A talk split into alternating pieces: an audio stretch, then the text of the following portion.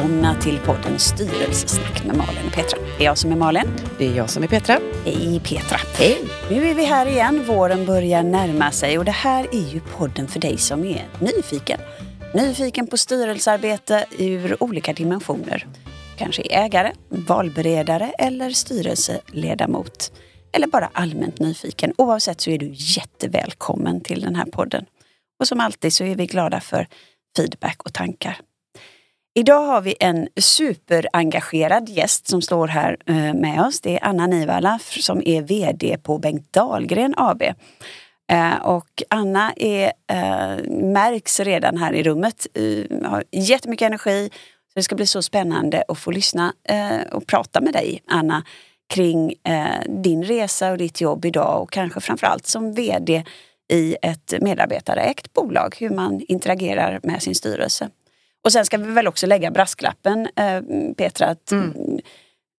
vi får hoppa. Jag får ju vara den här neutrala parten som ser till att Anna får sagt det hon ska säga för att du är ju faktiskt styrelseordförande. Mm. Vi ska faktiskt korrigera så det är Bengt Dahlin Göteborg AB för ja. vi är ju faktiskt en koncern. Så vi har, det. det är koncernmamman Eh, och, och, jag tror inte att Anna vill ta på sig det. Men, utan okay. det är Bengt Dahlgren Göteborg AB. Du blev just promotad. Ja. ja. Men vi tar tillbaka det än så länge.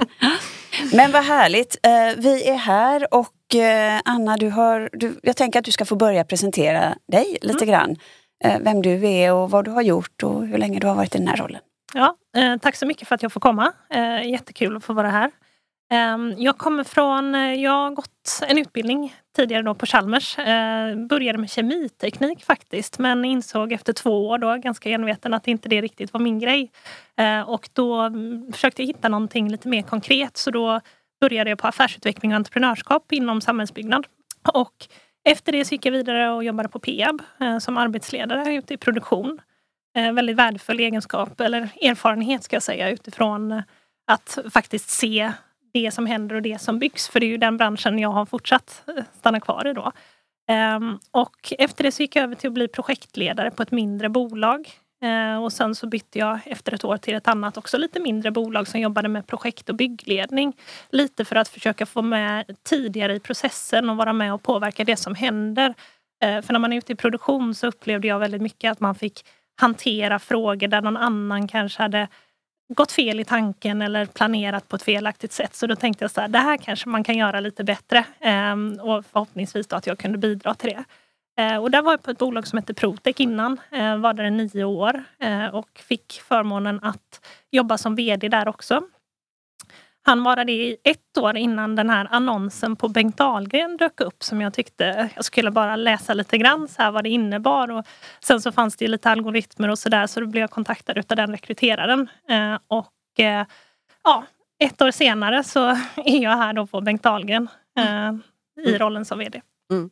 Superspännande och jag tänker någonstans att, att det, är, det är intressant och just eftersom vi pratar om styrelsearbete um, och både prata om hur du jobbar med din styrelse idag men kanske också eftersom du är relativt ny på vd-rollen i just det här bolaget. Mm. Hur, hur du upplevde styrelsen under både rekryteringen och, mm. och när styrelsen ändå är din uppdragsgivare mm. och, och, ska introducera dig i ett bolag. Mm. Samtidigt som det är ett medarbetarägt bolag. Så jag vet Peter att, att du sa innan vi, vi började sändningen här att det kanske är relevant att fundera på hur styrelsen ser ut och beskriva mm. det lite grann. Mm. Eh, styrelsen som den sett ut ganska länge, förutom att man kanske har bytt personer då, mm. det är ju att vi har eh, två stycken, vi har sex stycken i styrelsen. Tre stycken externa varav ordföranden, det ställs som ett krav eh, ifrån koncernen att eh, alla ordförande i dotterbolagen ska vara externa. Så att det är jag och så har vi två stycken externa ledamöter. Sen har vi två stycken ägar, alltså två stycken ledamöter som är också ägare. Och eftersom det är ett medarbetarägt bolag så jobbar de också i bolaget. Eh, och sen har vi en arbetstagarrepresentant också. Då. Så, mm. det, det, så ser eh, styrelsen ut och har gjort ett tag och har gjort i alla fall hela tiden som, mm. som du har varit här Anna. Mm. Mm. Så det visste du när du tog på dig det? Var, var det någonting du reflekterade över? Nej men framförallt skulle jag säga att det var en väldigt intensiv process när jag kom mm. in i det här. Att, eh, jag, jag fick träffa, jag tror att det var en 16 personer någonting från Bengt Ahlgren under den här processen. Eh, men den första jag träffade var ju Petra tillsammans med eh, Christian som är operativ chef på vårt bolag. Och eh, där fick jag ju mycket input kring hur det funkade i bolaget då. Ehm, men sen så spelar det väldigt stor roll för mig också just våran dialog Petra, att det var jag kände direkt att vi hade ett väldigt öppet och bra samtal och att vi livade också mycket i värderingar och sen för egen del så var det ju viktigt, eller det kändes mer stimulerande att söka jobbet och ta den här uppgiften i och med det samtalet. Och också i det här att kunna hitta liksom en kvinnlig förebild eh, som ordförande. Det hade du inte haft tidigare då? Nej, jag kom ju från ett mindre bolag och där var jag ansvarig för eh, 30 personer och där hade vi väl mer en pappersstyrelse i det, det, lilla bolaget och sen mer av en riktig styrelse i koncernbolaget där vi också fick vara med och arbeta. Eh, men där, det, bolaget var 20 år gammalt och det blir också den här att ägarna sitter kvar på de posterna som de är eh, och kanske blir ordförande och ledamöter i det. Eh, sen hade de ju externa rådgivare också som givetvis hjälpte till men just det här att få någon som jobbade med styrelsearbete professionellt tyckte jag kändes väldigt stimulerande. Mm. Och det här är ju, jag ska släppa in Petra och ta över här om en liten stund men, men jag blir bara så nyfiken. Mm. Eh, för det är ju klassiskt det här, jag, vet, jag säger det ofta när jag pratar med mm. unga människor att ja, men välj en bra chef och det är ju det du säger att, mm. Att du, du valde en, en bra styrelseordförande mm. på olika liksom, parametrar som var viktiga för, för dig. Um, samtidigt är det ju så att en styrelse, en, en chef, om man pratar om en operativ chef, mm. antar man ju ändå finns kvar år ut och år in på något sätt. Mm. En, en styrelseledamot, liksom en styrelseordförande, det är ju årsuppdrag um, ändå. Man mm. väljs ju om förhoppningsvis då varje, varje år. Var det någonting du tänkte att ah, men jag tycker den relationen finns ju även om det är en operativ chef. Man vet ju aldrig hur länge Nej. någon stannar. Så egentligen så har inte jag reflekterat så mycket över att Petra skulle kunna flytta sig någon annanstans. Utan jag utvärderade situationen som var där och då och kände att det här är ett bolag och en styrelse som kommer ge mig bra förutsättningar att lyckas med mitt uppdrag. Eh, och just om man tittar på konsultbolag så tycker jag det är väldigt viktigt också för där har vi ju människor som vårt enda värde i bolaget. Mm. Och har man inte rätt värderingsgrund och känner att man har rätt uppbackning från styrelsen och även ägarna i det här fallet, då, då blir det väldigt svårt att göra ett bra uppdrag tycker jag. Ehm, så att för mig är det ganska avgörande att vilja ta en roll som VD i ett människobolag. Mm. Men jag tänker bara det liksom att eh, vi kan backa lite eh, den här intensiva perioden som var. Mm i kontexten medarbe medarbetarägt. Eh, där medarbetare liksom är ägare och operativa och som man ska också kliva in som en extern VD att arbeta, vara chef över eller mm. hur man nu ska uttrycka det. Mm. Liksom då.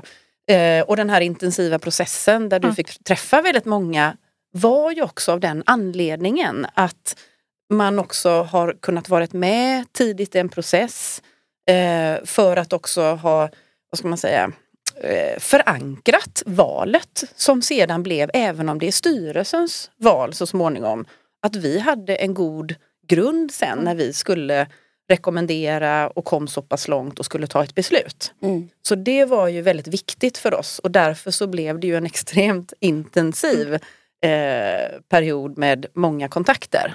Mm. Bara för att lägga in det. Bara för att förstå hur, som utomstående, hur Eh, när, när slutade tidigare VD? Blev det något glapp ja, där? Vi hade ett glapp emellan. Så att eh, vi hade vår tidigare VD, eh, han eh, ja, valde att gå vidare. Mm. Eh, fick ett fint nytt uppdrag. Som det kan vara. Det är ju mm. inga konstigheter. och då, det är ju lite så, när man väl har bestämt sig så, så vill man ju liksom gå in i sitt nya uppdrag och man blir inte lika kanske engagerad i det man, man lämnar så att säga då. Och då hade vi bara en överenskommelse och sa det att nej men då, då går du vidare och så hittar vi en interimslösning. Så vi hade ändå sagt att vi ger oss själv ett år. Eh, tror jag vi landade i, ja kanske inte riktigt ett år men att ändå hitta någon eller att någon ska vara på plats, så, så var det. Eh, skrev ett kontrakt innan men att någon ska vara på plats ett år senare. Och då hade vi, eh, resonerade vi kring en interimslösning som blev våran CFO. Yeah. Eh, som gick in och tog den här rollen eminent måste mm. jag säga. Eh, och det är ju också en sån där grej som man kan fundera över, liksom, eller som jag har funderat över. att Går man in och får en sån roll och tar sig en sån roll och aldrig haft den innan. Man kan ju faktiskt bli ganska kär i den rollen och tänka så här att va, ska det komma in någon nu? Mm. nu? Nu tyckte jag att jag blev lite varm i kläderna och, och så här. Så, så vi adresserade den frågan och det blev jättebra. Eh, för det är ju trots allt så att är, Anna är ju den här personens chef idag. Just det, Mm. precis. Bara, och, och det är ju Anna som ska vara fokus men jag måste ändå fråga om, om den här eh, processen. Ehm, hade ni jobbat mycket med successionsplanering? Hade ni liksom den klar? Ja. Vi hade en, eller man säger så här. Vi hade en kortsiktig, Mm. eh, alltså skulle det hända någonting så finns det liksom en interims Ja. Och det var den Plan. CFOn eller? Exakt, så vi verkställde Ja. den planen så Mm. kan vi säga. Så Mm. den hade vi. Sen så har ju eh, Eftersom det är medarbetarägt och ägarna har ju ti, eller för några år sedan valt vi ska ha extern VD. Vi vill ha det, vi vill inte liksom så. Sen kan det komma någon inifrån, absolut. Men, men att det ska inte vara någon ägare eller eh, Nej, på det det. planet. Så, så att ehm, vi kan ju odla talanger och det måste vi göra.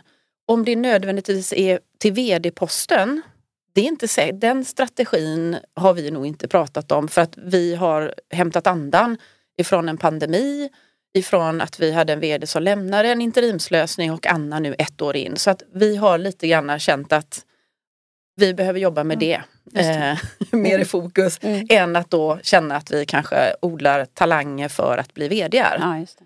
Däremot odla talanger in i organisationen Mm. för att ta Mm. olika roller och, Mm. och de ledarrollerna som Just det. finns. Liksom. Och, och tillbaka till dig då Anna, för det är ändå du som är i fokus Yes. tänker jag. Ehm, det för mig låter det som det här var en rätt så lång process. Ja, nej, den var intensiv men den var Ja, kort. Det var kanske två och en halv vecka eller någonting. Jaha, ja, det var väldigt kort. Ja. Ja. Och, och vad var det för egenskaper som du sökte i en ordförande? Men jag lyssnade på en podd som eh, ni spelade in. Jag vet inte om det var genom denna eller om det var en annan. Nej. Nej, det var PS Möter. Mm. Eh, som, eh, där Anna Petersson då, som skötte rekryteringen eh, hade ett samtal med Petra om hennes tankar kring hur man vill jobba på Bengt Ahlgren. Eh, Så det var ganska avgörande för mig faktiskt att kunna lyssna in på ett sånt samtal. För det är, när man sitter i en intervjusituation då får man kanske mer frågor till sig än man hinner ställa. Eh, Och framförallt om man jobbar med Petra så kommer det många frågor. Så att, eh, ja, men det, den, eh, Mm. den underlättade för Mm. mitt beslut. Och vad var viktigt då? Nej, men jag tror att vi har ju, lite som jag var inne på förut, värdegrunden är mycket liknande. Eh, och sen kände jag också att det fanns ju liksom en gedigen erfarenhet både inom styrelsearbete men också inom bolagsutveckling. Så jag kunde ju se lite att vi skulle kunna ha ett mentorskap i det också. Eh, Och sen känner jag att personkemin är ju väldigt viktig för man kan ju vara två personer med väldigt fina kompetenser eh, och egenskaper men går man inte ihop så blir det svårt att nyttja det. Så att de delarna tillsammans kände jag full Just det. på plats. Härligt. Men, men jag tänker om vi, om vi liksom fortsätter vidare eh, lite grann. Eh, Jag, jag vet att jag bad ju dig göra en hundradagars Mm. reflektion. Mm. Du behöver inte gå in i alla delar men det fanns ju det som du bland annat pratade Mm. om här med att ehm, du fick lära känna många i bolaget Mm. väldigt intensivt. Mm. Att det var viktigt för dig med eh, en kvinnlig förebild Mm. också. Mm. Eh, en annan sak som du nämnde som jag tyckte var intressant som man kan reflektera över. Det var ju det här med att du uppskattade att det var någon som kunde styrelsearbete professionellt Mm. och inte var en ägare eller någon i bolaget. Mm. Utan om du får liksom... Ja men det var ju det jag kom ifrån. Mm. Att man hade ordförande och jag kommer från ett fantastiskt bolag där jag hade en jättebra ordförande innan också. Men det var inte det han jobbade med dagligdags utan han kom ju från att ha utvecklat den eh, verksamheten som vi var i då. Eh, så där tyckte jag det kändes stimulerande att jobba med styrelsearbete mer på ett professionellt sätt. Sen förstår ju jag att det sker på väldigt olika sätt också. Jag är med i ett vd-nätverk på Västsvenska Handelskammaren och där använder man ju sina styrelser eller arbetar tillsammans på väldigt olika sätt. Så att oavsett om man är professionell eller inte så kan det se ut på olika sätt. Och där uppskattar jag ju vårat väldigt öppna samarbete också. Jag upplever att jag får en väldigt bra stöd och väldigt bra coaching i de frågorna som är aktuella för mig. Samtidigt som vi också pratar om andra frågor som kanske ligger lite längre fram i tiden. Och så hoppas jag att alla ordförande är professionella. Men vad Mm. vi menar med det är att man har det som ett jobb Ja, eller ett precis. yrke. Eller att man inte då är en ägarrepresentant då kanske. Det är väl mer det Mm, som vi menar med det. Mm, Inte att, att ordförande generellt sett är oprofessionella. Nej. Nej, bra att du Men, nej, förtydligade, men det var är så det jag lätt att vi säger så Ja. för vi, vi liksom blir en sån där Ja. tankevurpa. Mm. Ja, men jobbar med det på, på någon form av heltid så då får man till sig det också. Ja men man blir, blir ju mer, dels kan man ju bli mer tillgänglig. Eh, inte alltid kanske men, men många oftast är man mer tillgänglig. Men man kommer också med utifrån perspektiv kanske som, som uppskattas. Eh, även om man är man en engagerad ordförande så kan man ju bolaget Mm. lite mer och är väldigt engagerad och, i det naturligtvis liksom, och blir färgad av det över tid.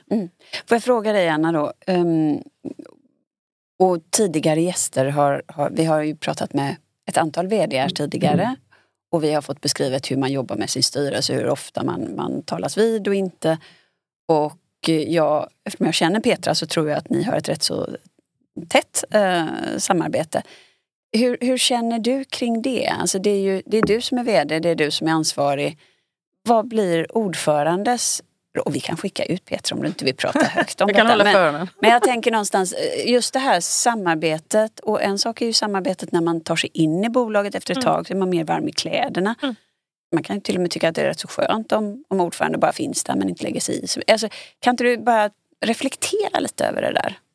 Men det är nog olika hur man är själv Mm. som person. Men jag upplever att när jag kom in då hade vi ju mer täta avstämningar. Dels var det ju en grupp, Petra är en av dem och sen ekonomichefen och den operativa chefen som hade ansvar för att skola in mig. Eh, och det är också en intressant process att bli inskolad som VD för man förväntas veta massa saker som man inte vet. Så att, eh, det är lite speciellt men eh, det har ju gått jättebra. Eh, också mycket tack vare det här bolaget som är väldigt liksom, omtänksamt och familjärt så jag känner verkligen att jag blivit omhändertagen. Men sen i relation till hur jag och Petra arbetar så blir det ju mer du är ju väldigt tillgänglig. Om jag skulle smsa dig så kan ju vi få kontakt med varandra varje dag även om man kanske inte är liksom just i stunden. Eh, och det uppskattar jag väldigt mycket för det kan ju komma upp frågor lite när som. Sen har vi ju planerade avstämningar också med jämna intervall där vi pratar om vad som händer. Så jag, för min del så är det bara bra tycker jag. Jag ser inte det här att det ska vara så jag är väldigt öppen också i både i vd-rapporter och annat till styrelsen om hur det ser ut. Och jag tycker det, det är för jobbigt att jobba med massa filter däremellan. Utan jag ser ju styrelsen som en del utav oss också. Även om man kanske organisatoriskt delar upp det och det är olika steg så är ju ändå vi där för ett gemensamt mål att göra det så bra som möjligt. Eh, och jag tror att det blir svårt för en styrelse att hjälpa till med det om man inte får eller kan ha den öppna kommunikationen och dialogen. Sen upplever inte jag att eh, du Petra lägger dig i heller utan det är mer om jag söker upp dig så får jag liksom svar på mina frågor. Så det är inte det att den styrelsen vi har i Bengt Ahlgren går in och petar i de operativa frågorna utan bjuder jag upp så kommer man gärna och hjälper till på ett jättefint sätt. Det finns många idéer dock. Mm. Men, Ja, men men, men, men de, de får landa om de vill. Mm. Landar de inte just nu så är det helt fine. Mm. Mm. Mm. Tänker jag. Spännande. Ja, det låter som. Ja. Men, men du, innan vi, vi sände, började sända här, det var lite på det temat det här med introduktionen. Nu fick ju du liksom det, du- ja, men lite inskolning så här med, med eh, vi som var i alla fall närmast runt omkring så. Men det, jag tyckte du ställde en ganska intressant fråga för vi måste ju också göra detta, nu är det du Anna och det är ju den här situationen och dina reflektioner. Men den är lika intressant för alla generellt sett att ta till sig. Och det är just det här, du frågade innan här, styrelsens roll just i introduktion av ny VD. Hur har det varit? Hur har du uppfattat att styrelsen ändå då har, nu har ju ett år in i uppdraget, funnits där eh, eller inte funnits där, vad vet jag. Eh, liksom för just för dig att komma in. För det är ju trots allt någonstans en, en ensam funktion på ett plan. Mm. Även om du har många medarbetare och du har din ledningsgrupp. Mm. Så just den här liksom, ja men nu ett år in i uppdraget, hur, hur upplever du? Nu ser Anna lite pillemarisk ut här så jag vet inte vad hon ska säga. Nej men seriöst bara liksom så här. Vad, vad, vad, upp, skulle, vad uppskattar du med liksom att få ett, liksom en introduktion och stöttningen från styrelsen? Vad är det? Vad är viktigt där? Mm. Nu, om jag ser pillemarisk ut för nu tänker tänker liksom eh, frenetiskt här på vad jag ska svara men eh, i inskolningsprocessen så där hade ju du och jag ganska mycket genomgångar om eh, strukturen som fanns och hur ni jobbade och vilka dokument det var, vad jag skulle förhålla mig till. Och det finns ju styrelsens arbetsordning och årsplaneringar och allt sånt där så det kände jag mig väldigt trygg med redan från början att veta hur det gick till. Sen tror jag det handlar ju mer om en kulturfråga när man kommer in där att man har en känsla utav att det finns ett öppet samtal i det här rummet och det mm. tycker jag verkligen att det har funnits. Sen är ju inskolningsmässigt så är det ju mest du och jag Petra som har mm. haft kontakt och mm. där jag har kommit in i det arbetet. Sen har ju de andra funnits tillgängliga också eh, eftersom flera utav dem sitter då eh, och jobbar som medarbetare i bolaget. Mm. Mm. Så att det, det har funnits en väldigt stor tillgänglighet skulle jag säga. Det är inte mm. personer som man bara ser ja, två gånger om året utan dagligdags så stöter man ju på varandra. Just det. Och där, där, skulle jag egentligen vilja eh, flika in utifrån egna erfarenheter som um, ofta som ledamot i, i bolag och när det kommer en ny VD. Och, och så är vi med och så väljer vi en ny VD och så börjar VD och så säger vi eh, att det är bara att du hör av dig.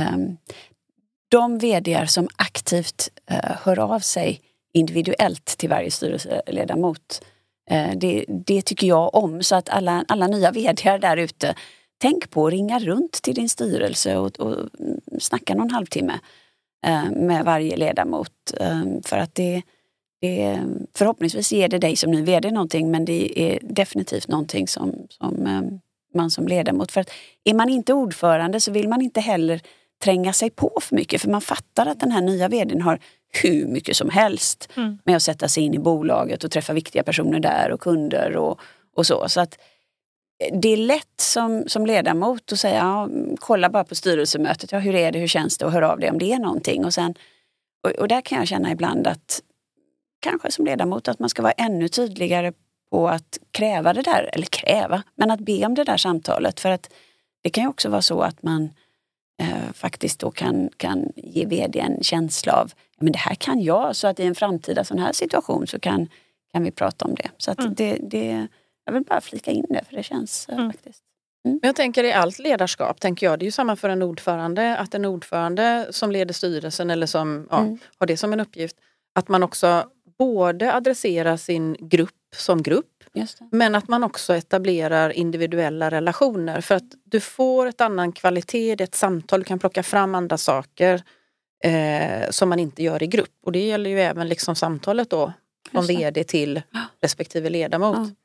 Tänker jag. Ja. Jag är lite nyfiken ehm, eh, på det här med eh, transparens.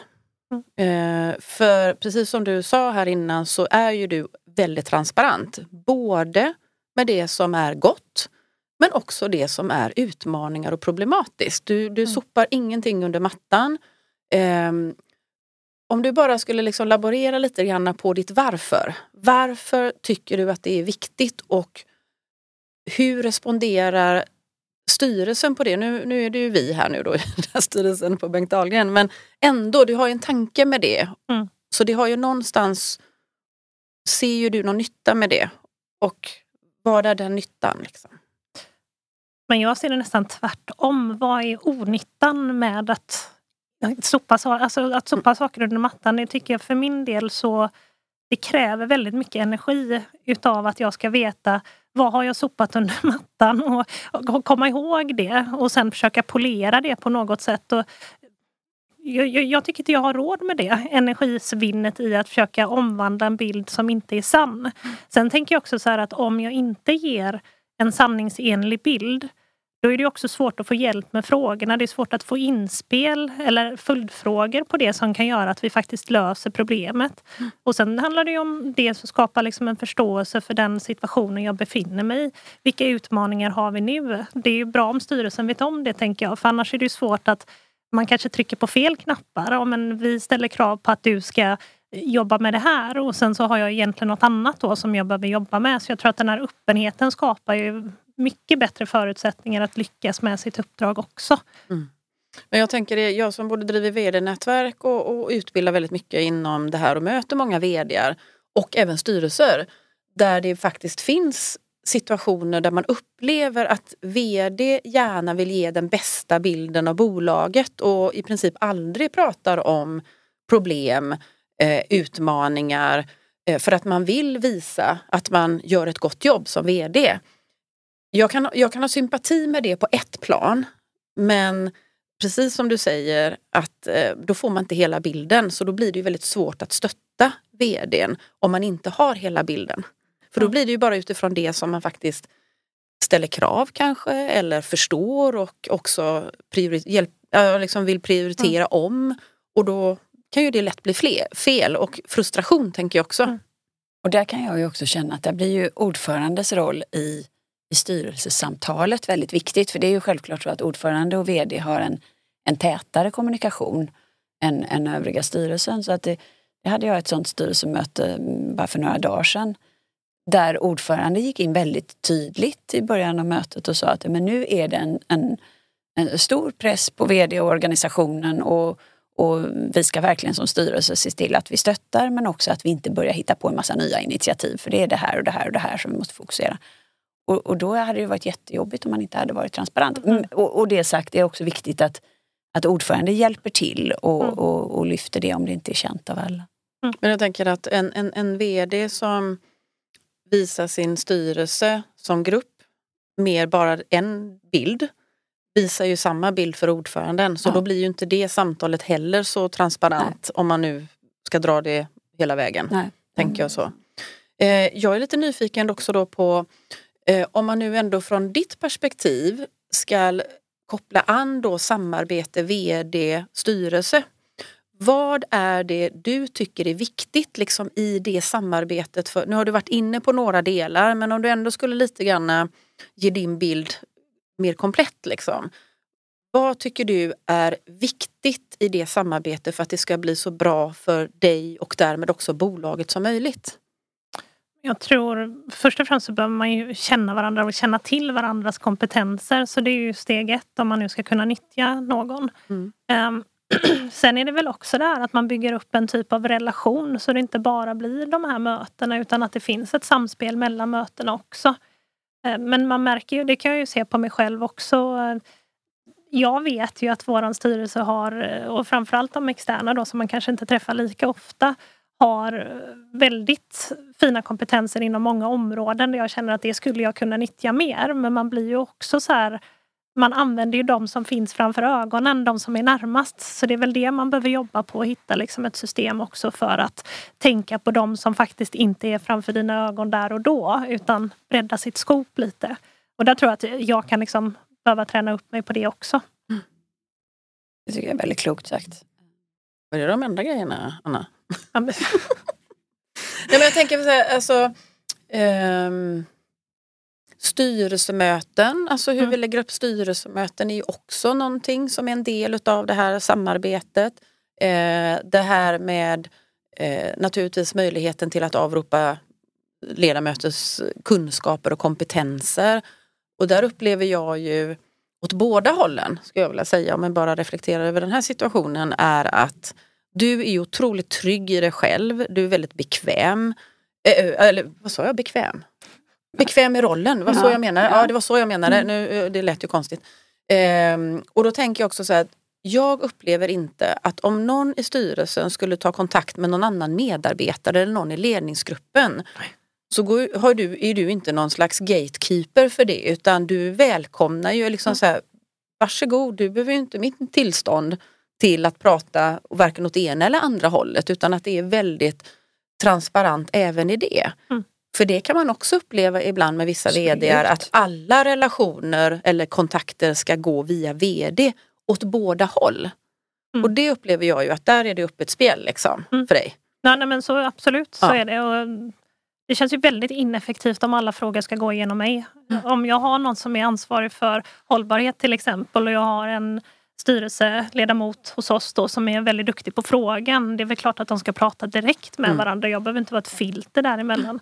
Det hade jag tyckt var jättekonstigt. Mm. Alltså det, det, och jag tänker som styrelse och styrelseledamöter som kommer utifrån eh, uppskattar det väldigt mycket. Min upplevelse idag är att en styrelseledamot gärna vill bidra eh, om deras efter, kunskaper och kompetenser efterfrågas. Och att det inte liksom, lite på det temat som du sa innan, man vill inte störa. Eh, utan man blir, vill ju bli tillfrågad. Eh, så att, att många vill hjälpa till mer än bara via styrelsemöten och kanske mm. strategimöten och sådana, den typen av möten som man traditionellt sett har. Mm. Mm. Och där blir ju de här inskolningssamtalen med liksom varje styrelseledamot. Alltså ju mer vi reflekterar kring det så är det viktigt att VD verkligen får en bild av vad kan varje enskild ledamot bidra mm. med här. Så att man kan dra på de kompetenserna. Mm. Hur, hur, hur, får man det att fungera då Anna? Att det här med att eh, få en bild av styrelsen, liksom, vad, hur gör man där? Vad det, finns det för knep där då? Men jag tänker hos oss så har vi ju haft en del sociala aktiviteter. Eh, att man träffas utanför styrelserummet också. Eh, sen har vi ju den här årliga då konferensen eh, där vi har en strategikonferens där vi har både styrelsen och ledning och delägare som träffas. Det är också ett fint tillfälle att prata om viktiga frågor tillsammans. Sen vet jag att ni har haft styrelsekickoffer, där har inte jag varit med, mm. men att den gruppen samlas och lär känna varandra. Ehm, men sen är det väldigt mycket kulturen som man lyckas skapa där också. Att det blir den här öppenheten och att man har det förtroendet för varandra och det tror jag ökar om man har om man jobbar på det sättet och är väldigt transparent så vet man ju också så att här finns ett behov som jag skulle kunna hjälpa till med eh, som styrelseledamot och samma sak, då kanske man öppnar sig lite mer. Sen jobbar ju vi med de här spaningarna om man har lite olika områden som man berättar om på respektive styrelsemöte. Och det hjälper ju också till för då använder man ju ofta kunskap från sin egen bakgrund och lägger in det i de spaningarna man gör. Lite omvärldsinput. Ja, precis, ja. precis. Och då får man ju med sig det också. Då kan jag ju känna så här att ja, men Petra hon har ju koll på det här området så då vet jag lite vad jag ska bjuda in också. Mm. Jag tänker att vi ändå liksom när vi pratar om att man också kommer utifrån i ett medarbetarägt bolag där man har liksom alla ägarna i organisationen på lite olika ställen. Eh, en del, majoriteten är ju någon form av ledande befattningar av ett eller annat slag. Eh, så, eh, duktiga ingenjörer eh, och har varit i bolaget länge. Och då tänker jag, kan du liksom bara reflektera hur det är att komma in som en extern VD i ett medarbetarägt företag? Mm.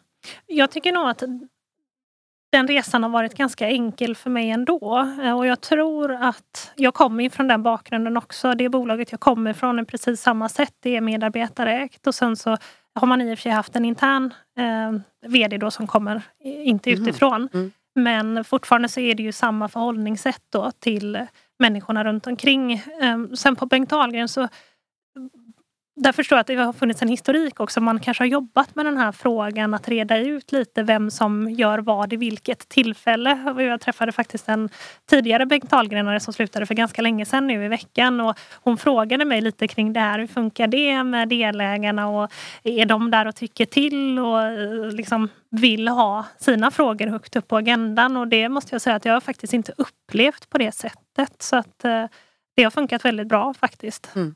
Och hur stor spridning är det på, på ägandet? Alltså hur, hur mycket äger den, den som äger mest och, och den som äger minst? Man har en, en ganska eh, likvärdig, alltså det finns en process, en stegprocess mm. när man mm. liksom är ny som ägare och sen hur man, så finns det en toppnivå så att säga och det finns bara visst antal platser. Yeah. Eh, Men av, det är ingen som har 25 procent? Nej, liksom. nej, nej, nej. nej. nej ja, vi kan säga så här, vi ingår i en koncern. Ja. Så att koncernmamman mm. har ju majoritets ja. Eh, ja, mm. Mm. Men, men, men det i... finns inte en individ som eh, råkar ha den nej, här rollen nej. i bolaget som säger att jag har 20 procent och du har eh, en halv. nej. nej. Det har vi inte. de skillnaderna. Utan det är ganska, man har ett system kan man säga som, mm. som är väldigt eh, schysst mm. och rättvist. Skulle uppfatta jag det som i alla fall. Ja, nu är inte jag ägare så jag vet inte. Men, jag... Nej, men det är ju en annan intressant fråga. Styrelsen, de externa blir då inte ägare. Nej, mm. vi blir inte ägare. Vi, Nej, nej, vi är inte medarbetare på det sättet. Nej, nej inte på det nej, sättet. Men, nej. Nej. Men, nej, det är vi inte. Men mm. nej, Eh, någon sånt erbjudande har jag inte sett till eh, och tror inte att jag kommer att få heller. Nej, nej. och det tror jag inte man, alltså, jag gillar ju det här med att vi har tre externa eller att mer, alltså hälften är externa och att faktiskt vi ska få vara det. Mm. Eh, sen har ju vi, kan man väl säga då, jag är ju den enda som inte kommer från branschen. Mm. Och sen har vi två externa som, som är väldigt branschanknutna. Så att vi har den här bredden med utifrån ändå branschperspektiv och, och jag som kanske då, du var inne på det här, kanske lite mer generell bolagsbyggarkunskaper eller erfarenheter och tillväxtbolag. Och.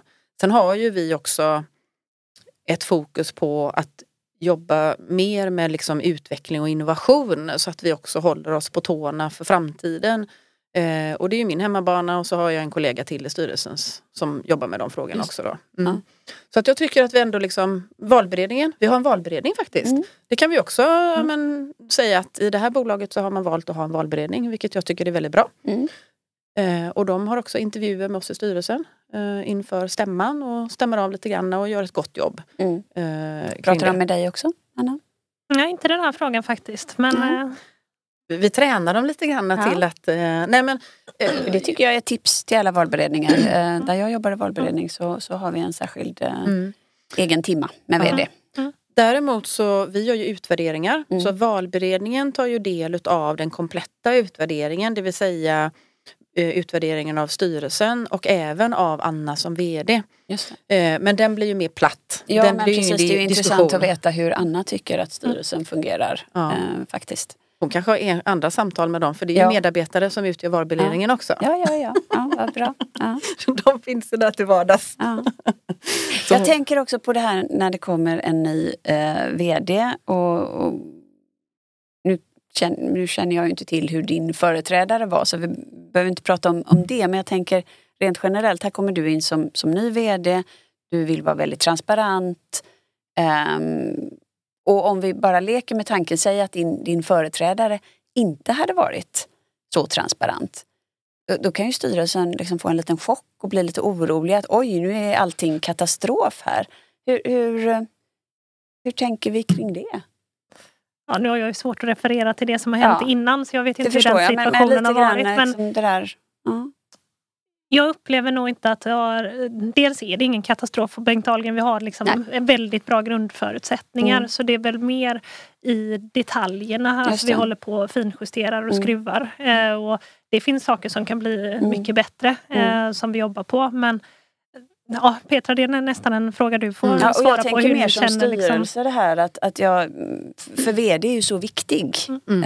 Eh, och som styrelse så, så måste vi ju gilla, alltså vi väljer ju VD så att Mm. vi måste ju gilla att VD har en viss profil och att det kanske är så att man aktivt äger att, och inte just det här med transparens kanske, men, men det var ett väldigt talande exempel, men att vi väljer en VD med en annan profil just för att få någonting nytt gjort och då, då måste vi vänja oss vid den här Mm. Nya profilen. Men, men, men det är klart att alla, eh, man kan ju inte få en kopia och man vill nog inte Nej, ha en kopia. ha, liksom, utan, man vill inte ha en kopia. Så att just Nej. utifrån det, hur, Ja. hur ska man som styrelseledamot jobba med? men, men jag tänker så här, vi var väldigt involverade i hela sökprofilen. Alltså Mm. hur lägga upp sökprofilen. Det var en ganska gedigen process. Vi valde tidigt. Vi en, var en Mm. arbetsgrupp, en rekryteringsgrupp som bestod av mig som ledde gruppen. Och sen hade vi representanter ifrån ägare och eh, liksom inifrån organisationen. Eh, och sen övriga då de här personerna som skulle vara med i processen, de fick också tycka till om sökprofil.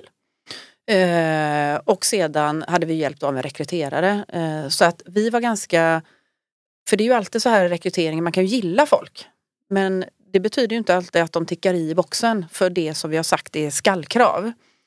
Sen så kan det ju lätt bli, om jag nu får liksom zooma ut lite granna, så kan det ju lätt bli att har man en VD där man, som alla har, sina tillkortakommanden. Det finns det alltid, alltid. övrigt att önska. Inte med dig då Anna, men alla andra. Nej jag skojar bara. Eh, nej men vi har ju det, vi har våra styrkor, så är det bara.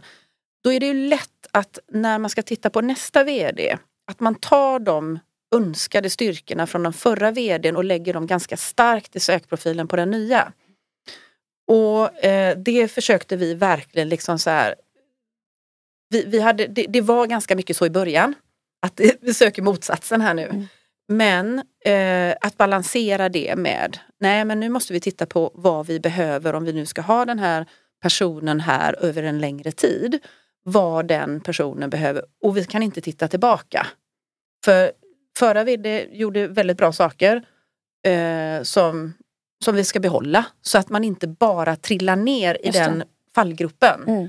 Eh, så det jobbar vi hårt på. Eh, Och sen är det ju lätt också att, att faktiskt om man har, har, har slash har haft en VD att man inte riktigt tänker på alla de goda självklara goda sidorna. Ehm, så att man inte eh, riktigt liksom, reflekterar Mm. över det. Men, men jag, jag tänker mer, jag, verkligen på ett eh, generellt plan, att jag som styrelseledamot måste liksom, ta till mig att ja, men nu är det en ny VD och, och nu får jag liksom, tänka, tänka om. Det är en ny personlighet, det är ett nytt sätt. Ehm, det, och, och, och välkomna det såklart. Mm. Men jag tänker, det är ju samma som när vi byter ut ledamöter i styrelsen. Att det blir ju en ny person som kommer in, Ja. eller två kan det ju också vara. Att man får liksom rucka lite, som vi Så brukar säga i båten. Mm. Och då händer det lite så, så innan man landar liksom, tänker jag. Ja. Ja, men det är mycket lära känna där i början åt, åt, åt alla håll. Ja, men är, även i organisationen så blir det ju, man kommer in Ja. på en position och det här är ju en väldigt ändå position där man ska vara en förebild för många frågor och eh, visa vad, vilken riktning vi ska åt. Så att det, det det blir, man jämför nog även i organisationen att det här hade vi och det här fick vi. Så det tror jag man också får vara beredd på. Och det kan jag ju också känna när jag kommer in att man får ju höra ganska mycket att han som var innan dig, han gjorde så. Han som var innan han, han gjorde så. Mm. Så man får ju med sig ganska mycket historik kring det också. Och att det finns en del förväntningar. Så att mm, den Just det. första halvåret är ju mycket att man ser att man känner in både från mitt håll då och även från organisationen. Och det gäller ju även i relation till styrelsen att man känner lite på varandra. Det. Hur mycket av din, din tid, Anna, går åt till styrelsearbete? Oj, det har inte jag reflekterat över faktiskt. Men det är inte jättemycket tid skulle jag Nej. inte säga. För jag tycker, när vi säger styrelsearbete, då tycker jag mer det blir det här, eh, då tänker jag på att man ska följa en viss agenda och det är vissa punkter som ska bockas av. Jag ser det mer som att när vi jobbar, när jag är på styrelsemötena, att vi jobbar med de frågorna som är aktuella för mig. Så att det blir inte så mycket styrelsearbete i den bemärkelsen. Det kanske är det här när jag skriver vd-rapporterna till exempel. Det kan ju vara mer en sån här formalia punkt. Men samtidigt så är det ganska bra för mig och mina eh, medarbetare i ledningsgruppen att ta den här tankevändan och vad har vi gjort sen senast och eh, lista ner det så att det blir användbart också och det skapar ju bra förutsättningar för styrelsemötet sen att vi ska kunna ha bra diskussioner. Just det. Känner du att styrelsen eh, lägger på dig en massa onödigt arbete? Jag tycker i det här fallet att vi har en väldigt lyhörd styrelse. Eh, och med tanke på att jag är så öppen med de frågorna som vi har så blir det också lättare att förstå var befinner vi oss nu och hur mycket extra uppgifter kan vi lägga på. Eh, nu är ju Petra, du är med både i koncernen och i vårt dotterbolag så att där finns det ju också arbeten däremellan och jag är med i koncernledningen och sen så är jag VD för dotterbolaget då så att det är ganska många frågor som ska behandlas men eh, där upplever jag att vi har en bra balans i det. Jag tänker så här, eh, ett ämne som, eller någonting som, om vi går in på liksom lite det mer personliga planet, eh, som du i olika sammanhang faktiskt har lyft. Det är ju det här, och som jag också fått på mig lite grann i rekryteringen av en ung kvinna i den här, eh, i den här branschen. Mm. Du har ju också fått frågor till dig om liksom småbarnsmamma, Eh, hur, hur får du det här att gå ihop? Alltså både positiva delar men också faktiskt ganska tråkiga negativa delar. Mm. Har du lust att dela med dig? För jag tycker att det kan vara värt att lyfta här. Ja, men ibland så man kan ju tro att vi har kommit lite längre och att de här tankarna och åsikterna inte finns då. Att det är mer att man tittar på kompetens. Men jag möter ganska många som Först och främst är det väldigt många som blir förvånade när, eh, om vi är på mässor eller annat och man träffar någon presentera sig som man inte har träffat förut. Då. Och så säger jag så här, jag heter Anna, jag är vd. Eller, alltså, först då kanske vi inte ens berättar vad man gör för någonting. Och så frågar den andra då, men vad gör du? Ja, jag är vd. Jaha, oj, är det du som är vd? Så att, eh, jag, jag vet ju att jag inte är stereotypen för hur en vd ser ut. Eh, men sen så det som man möter ibland är väl lite mer, inte bara förvåningen och att man tycker att det är någonting bra, utan också att man är första frågan därefter, jaha är det du som är VD? Men vad gör din man då? Och liksom, vad är kopplingen till min man och att jag är VD? Ja, för det måste ju ändå vara någon som tar hand om barnen och det brukar ju vara kvinnan då. Eh, sen finns det ju andra fall då där man möter personer som, jag hade en som ringde upp mig, det var i min tidigare roll och han, han ville hitta ett samarbete och så frågade han mig så här efter fem minuters samtal kanske så säger han så här, ja men du förresten, Eh, hur kommer det sig att eh, det är du som är VD på det här bolaget? Är det för att du är inkvoterad som kvinna? Och jag blev liksom helt chockad. Så sa ja, nej, det är det faktiskt inte. Du vet, lite halvsur i det liksom, kommentaren.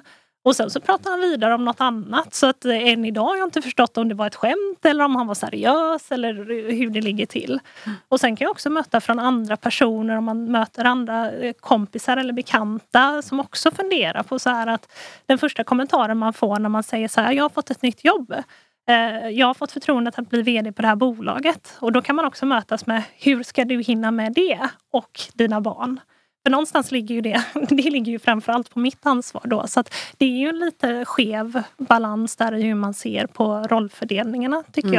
jag mm. i samhället i stort faktiskt. Och sen tänker jag, du har två döttrar. Så du reflekterar ja. ju väldigt mycket över detta. Liksom. Mm. Vad, vad, är det för samhälle jag ska eh, liksom, få in mina döttrar i om man ja. säger så. Liksom. Så att du, du, du är ganska öppen med det, dina mm. tankar och dina funderingar kring de här och vill gärna påverka i en positiv riktning, tänker jag. Ja. Mm. ja, men jag ser det lite som... Jag tycker att under min karriär, eh, nu har jag ju väldigt lång tid kvar, eh, men jag tycker inte att jag har haft så mycket kvinnliga förebilder eller chefer i de situationerna jag befunnit mig på. Eh, och det är ju en sak som jag tycker, du är ju en förebild för mig Petra i det här och som gjorde det intressant med det här uppdraget. Men där känner jag ju att vi måste ju bli fler som vågar ta de här positionerna och som vågar göra det på ett annat, lite öppnare och kanske mjukare sätt än vad man har sett historiskt. Eh, för om man inte ser att någon annan kan, då är det svårt att tänka sig att man kan själv. Eh, och jag har också en av mina bästa kompisar, hon blev VD innan mig och hon har ju också varit en stor inspiration till att faktiskt se att det finns någon annan i min närhet som kan. Då kan jag med. Mm. Har du sett någon eh, annan effekt i, i bolaget? Att fler kvinnor vågar söka chefstjänster? Än? Vi har inte annonserat så mycket mm. chefstjänster eh, men däremot så kan vi se på vår kultur att mm. den har utvecklats väldigt mm. fint och rekommendationsviljan för oss som bolag har ju gått, vi mäter ENPS då, som är på en skala från minus 100 till plus 100 och där vi låg på 37 i december ett år innan då och nu eh, vid årsskiftet så var vi uppe på 60-62 ja, någonting. Bra. Så att där har vi haft en väldigt fin resa. Sen beror inte det bara på mig utan det är hela bolaget som har jobbat tillsammans. Men, eh, mm. ja, men, men, där kan man ju faktiskt reflektera. Nu är vi tre kvinnor här och vi har ingen man här eh, och, och vi kan inte stå och prata för alla och, och så här då. Va? Men, men ibland kan man ju faktiskt fundera också, liksom det här med kvinnligt och manligt ledarskap. Eh, vilka frågor kommer på bordet? Eh, så, du har ju varit väldigt nu har ju, Bengt Dahlgren är ju ett ganska mänskligt människobolag om man nu får uttrycka det så. Med värme, omtanke liksom, så det är inga konstigheter så. Men en av de delarna som du identifierade ganska tidigt var ju det här vi måste jobba med vidare med vår kultur. Mm. Och det har vi ju ägnat ganska mycket tid åt både i vår strategikonferens och, och vårt arbete liksom att eh, stimulera, eh, ägna mycket tid åt mm. den typen av frågor. Att det är ett kontinuerligt arbete. Jag undrar om det hade fått det fokuset. För jag tror att vi eh, kvinnor generellt sett på gruppnivå i alla fall eh, ser sånt och vet att det är viktigt för de affärskritiska frågorna. Alltså mm. det ligger i grunden för dem. Eh, nu, nu, generaliserar jag lite grann, nu får jag sticka ut hakan så får jag på snoken på det. Men jag funderar bara, jag bara liksom funderar, det behöver inte vara så. Men jag funderar för jag har ju ändå över 40 ordförandeuppdrag i ryggsäcken och jag har få kvinnliga vd som jag har jobbat med. Så jag har lite eh, känsla för liksom kanske vad som hamnar på bordet och inte. Mm. Och, och reflekterat över det. Sen behöver inte det vara sanningen. Nej. Men gjort en reflektion på det bara. Mm. jag. Ja. Är superviktiga frågor och det är, det är väl också så som, äh, som kvinna i en sån roll. Så oavsett om du vill det eller inte så är du en, en förebild. Um, och det, det kan vara lite tungt på axlarna ibland att veta att man, man är det. Mm. Oavsett om man vill även om man har en dålig dag. faktiskt. Men, nej, men jag har ju också fått frågor liksom så här, hur gick det där till? Uh, med, med att, med att uh, Anna, ja, då kan jag säga så här, ung och kvinna i den branschen. Men då kan jag bara reflektera över, liksom, när vi titt, när, i rekryteringsprocessen så hade vi majoriteten kvinnor som, som sökte som var extremt kompetenta. Så det är väl kon, kon, konkurrens som man har fått ja, kul, i uppdraget. det säger mycket om bolaget också. Ja, att man, så att, man vill eh, söka sig dit. Men jag tänker eftersom det här då är en styrelsepodd då. Eh, vi har ju alla möjliga typer av lyssnare men om man ändå liksom kokar ner lite grann det här med att vara extern VD i ett privatägt bolag och samarbete med en styrelse. Om man nu ändå skulle försöka liksom koka ner till ett antal viktiga eh, villkor för ett gott samarbete. Du behöver inte liksom reflektera just över, över Bengt Dahlgren utan mer hur du själv tänker där. Liksom, vad är liksom grunden för att en styrelse ska kunna vara värdeskapande i dina ögon så att säga? Mm. Jag tror mycket handlar om förtroende åt båda håll. Eh, att om jag kommer med någonting att man tar emot det på rätt sätt oavsett om det är någonting som är svårt eller någonting som är bra. Att man blir bemött på ett bra sätt. Det tror jag är en av de liksom grundförutsättningarna för att det ska bli bra överhuvudtaget. Men sen så behöver man ju stöttning i det här och så som vi jobbar så blir det ju väldigt mycket att jag får frågeställningar som kanske leder mig framåt fast det kanske inte var där jag trodde. Att man är lite begränsad i sin låda så att man får frågeställningar som öppnar upp lådan mm. i olika delar utav den. Det tror jag skapar det här dynamiken som jag tror är viktig i ett sånt samarbete. Mm. Mm. Så förtroendet är superviktigt. Mm. mm. Det är ju väldigt intressant att eh, vi har ju faktiskt inbokat en gäst som eh, kallar sig för förtroendekapitalist. Så då ska vi drilla ner i den frågan med förtroende. Mm. Så att det blir ju en väldigt snygg övergång tänker jag. Mm, liksom också sen till, till en gäst som vi kommer att ha fram igenom här. Mm. mm. Hur, och, och åter om vi är kvar i det här styrelsearbetet. Hur, hur känner du inför ett styrelsemöte och hur känner du efter ett styrelsemöte? Jag eh, inför styrelsemötena, jag brukar se fram emot de här faktiskt. Ja. Jag tycker att det alltid är väldigt intressanta diskussioner. Så att, eh, och jag, jag reflekterar nu precis när du frågar så här att ska man, det är ju lite ibland kanske man har en tanke om att man ska till styrelsemötet och redovisa Just någonting. Mm. Um, och så tänkte jag precis att men det är inte riktigt det jag känner utan jag känner mig ganska trygg i det här att komma in till det här rummet och berätta oavsett vad det är då. Eh, och sen så har jag ju också skickat den här rapporten som täcker upp det mesta av vad som händer innan så alla känner ju till det. Eh, men sen efteråt så brukar jag ju ändå känna att vi eh, mer inspiration, liksom, att man är inspirerad utifrån de samtalen vi har haft. Oftast brukar jag få lite nya tankar och idéer att jag skulle kunna angripa frågan så här. Och jag känner mig också väldigt ofta stöttad i de tankarna jag har. Eh, att, eh, ofta kommer jag in med en idé om att så här är situationen och jag skulle vilja hantera den så här. Sen får jag lite kompletterande frågeställningar. Eh, men ändå med stödet i ryggen sen att ja, men jobba vidare på det. Eller, ja, så. Brukar du formulera dina förväntningar på ett styrelsemöte antingen i vd-rapporten eller i början av mötet? Eller? Nej men det brukar vi göra i början av mötet så mm. brukar alla få komma in och säga vad de har för förväntningar på just det mötet ja. och vad man ser fram emot. Mm. Men här tänker jag ju lite grann, eh, för om vi pratar vd-rapporten då så skriver ju du inte allting själv. Nej. Kan du inte berätta lite grann hur, hur, hur du går tillväga? Ja men vi har ju, den brukar ju vara på kanske så här 10-15 sidor så det är en ganska lång rapport. Men, lite grafer och lite sånt Ja också. det är lite mm. grafer och lite sådär också. Men det är ganska mycket text som man ska ta sig igenom. Om man, eh, men jag tror att de flesta och så som jag, den feedbacken jag får från styrelsen så är det väldigt uppskattat att man får en sån heltäckande bild. Eh, men eh, där jobbar jag lite med att vi har ju olika ansvarsområden i ledningsgruppen och då får den personen som har det ansvarsområdet skriva en eh, text och så klipper vi in det i vd-rapporten sen. Eh, så att, och sen så brukar jag kolla och läsa om det är någonting jag vill fylla på. Så ibland nu, senast så fyllde jag på lite liksom på hållbarhet och sådär. Men eh, ja, lite utifrån vad som finns med då. Jag kanske vet någonting eller något som har kommit från koncernen eller liknande. Men där hjälps vi åt och Mm. det tror jag också är bra. Det underlättar lite arbetet för mig och sen så blir det en bättre helhetskoll för allihopa. Då. Och sen så tänker jag också det här, ehm, bara som en reflektion, att när man får en ganska, man har en VD som är så transparent som du är, så eh, tänker jag också att det är lättare också att ge stöd till dig när du vill ha beslut ifrån styrelsen. Vi är ganska uppdaterade, vi har en bredare bild. Det kan göra också att vi blir mer spot on för dig på bollen, rätta frågorna, eh, också faktiskt mer effektiva i, för vi är uppsjungna ganska väl. Mm. Så när det väl kommer till liksom ett skarpt läge så behöver vi inte så stor startsträcka utan vi är ganska snabbt inne på frågan och oftast också snabbare på att ta Mm. beslut. Mm. Det är min upplevelse. Mm.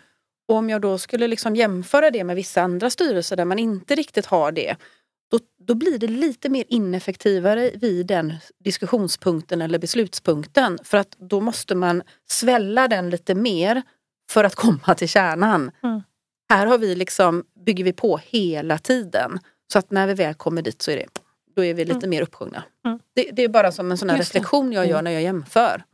Som ett tips också då eftersom det, du är VD och, och det kanske finns VD som lyssnar på det här. Mm. Att man kan ha det lite i åtanke. Liksom, Mm. att det gör också styrelsen effektiv. Jag har en, eh, tiden går här, men, men jag har en fråga. ehm, just eftersom ni beskrev lite grann den här koncernstrukturen och, och Bengt Dahlberg Göteborg AB, där du är VD, eh, är, är då ett, en, ett dotterbolag i, i koncernen och så finns du i koncernledningen, Anna, då i, i koncernen. Och du Petra finns där också eh, i, i Ordförande i form- koncernstyrelsen. I, i styrelsen där. Ehm, men då finns det ju, inbillar jag mig då, det är två andra externa ledamöter i Bengt Dahlgren Göteborg AB som inte har någon koppling till, till Mm. koncern. Alltså hur, vem är länken? För det är ju lite viktigt att veta vad som händer och sägs i, i koncernen, inbillar jag mig, för att kunna vara en bra styrelseledamot i... Vi, vi har tre länkar Ja. kan man säga. Eh, vi har ägare så att det finns ju lokala ägare som är ägare i en koncern så att de kan ju ha ägarmöten. Ja. Och då har vi en, med, med en styrelseledamot som, som är där. ja. Jag eh, informerar det som vi avhandlar i koncernstyrelsen som är ganska tätt kopplat till Anna och koncernledningen. Ja. Så vi tre försöker summera så gott det går om Mm. det finns någonting att säga. Sen står ju Anna för, för mycket av det som är, blir liksom det verkstaden. Just det. Eftersom Ja. det är, alla vdarna utgör ju koncernledningen då. Just det. Mm. Jag tänker också att det är... Eh, ett styrelsearbete blir ju bättre om man sitter på ungefär samma, samma information. Så att det Mm. inte är några som har ett jätteinformationsövertag. Ehm, men då har ni Mm. hanterat det med lite olika kanaler. Men på Bengt Ahlgren så är ju dotterbolagen väldigt autonoma. Ja. Vi har ju ingen toppstyrning. Nej. Utan eh, man är, man är väldigt autonom Mm. i ett dotterbolag. Vilket gör att självklart har vi ett ägardirektiv på, i koncernen. Men eh, ja, vi, så, så information får man. Men vi blir ju inte styrda i den bemärkelsen från något, någon mamma. så. Nej. Utan vi är väldigt autonoma. Vilket gör att en, en ledamot i ett lokalt bolag blir inte, vi blir, vi blir inte så inblandade egentligen. Liksom. Det är inte så mycket som, som man kanske blir styrd Okej. från någon annanstans ifrån. Utan vi, vi jobbar med styrningen där vi är. Mm. Ja, men då förstår jag. Och väldigt autonoma i det. Mm. Så Ja. att, eh, men det är den riggningen vi har i den kontexten. Så, så kanske det inte ser ut på andra ställen. Mm. Men det är också för att vi är ett medarbetarägt bolag hela, hela, hela koncernen så ser det ut så. Just det. Och då kanske det blir den typen av Mm. upplägg. Liksom.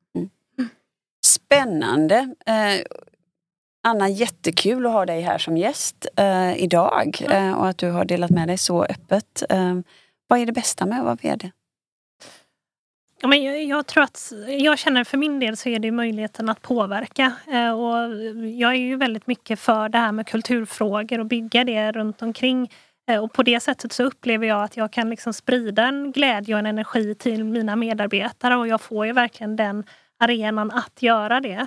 Sen så är jag ju liksom ansvaret i den här rollen också att ha möjligheten att göra gott på så många ställen Om vi tittar på Bengt Ahlgren så jobbar vi med frågor som är väldigt aktuella ur ett hållbarhetsperspektiv också och att få vara med och bidra inom det tycker jag är väldigt givande. Så att det är flera saker i ett här. Utveckla människor, bolaget och göra någonting gott för samhället. Härligt. Mm. Tack vi- för det. Jag tror Mm. vi ska avrunda där. Ska vi göra det? Ja, jag Mm. tror det. Ja, då gör vi det. Stort tack Anna för att du eh, orkade med mig i denna session. eh, Malin är ju ny men, eh, men vi två tänker jag. Eh, och dela med dig av dina tankar för jag tänker att det är, ur flera olika perspektiv är det intressant för, för våra lyssnare. Eh, just det här, eh, det som vi möts i så att säga i det här samtalet. Mm. Så tack så jättemycket. Ja, stort tack för att jag fick komma. Och tack till er lyssnare. Ja, Vi hörs och ses snart igen. det gör vi. Ha det gott. Hej då!